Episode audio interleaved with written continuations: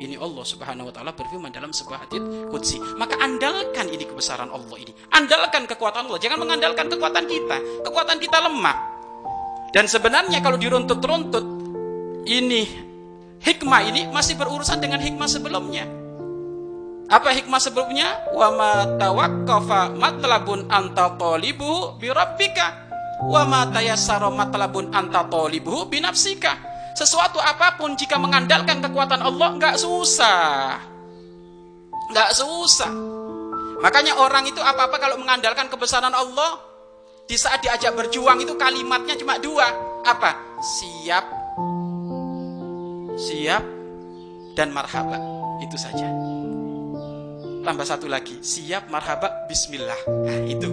Gak ada istilah mundur dia itu. Kenapa? Karena dia mengandalkan kebesaran Allah.